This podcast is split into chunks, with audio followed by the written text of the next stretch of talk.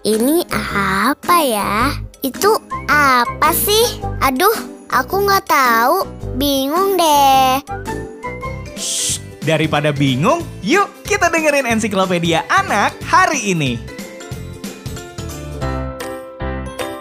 Hai Sobat Cilik, siapa yang pernah nonton serial kartun Doraemon? Kalau pernah, pasti kamu tahu kan kalau Nobita dan Doraemon tidur dengan kasur lipat yang tipis. Tidak hanya di serial kartun Doraemon, kasur lipat yang tipis ini bisa kita lihat di film Jepang lainnya.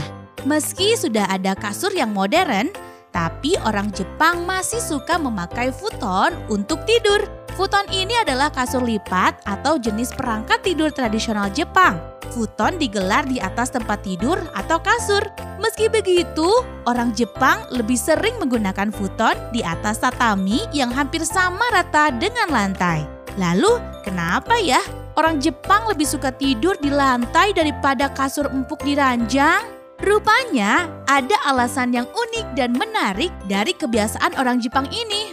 Salah satunya adalah bagus untuk kesehatan. Tidur di ranjang yang bagus dengan kasur tebal dan empuk belum tentu bagus untuk kesehatan loh. Rupanya, kasur punya peran dalam mempengaruhi postur tubuh kita saat tidur berjam-jam tanpa kita sadari. Hal ini berpotensi menyebabkan tulang dan otot jadi tidak sejajar seiring berjalannya waktu. Sementara itu, tidur di lantai bisa membantu punggung, kepala, pinggul, dan bahu kita dalam posisi lurus dan rileks selama tidur.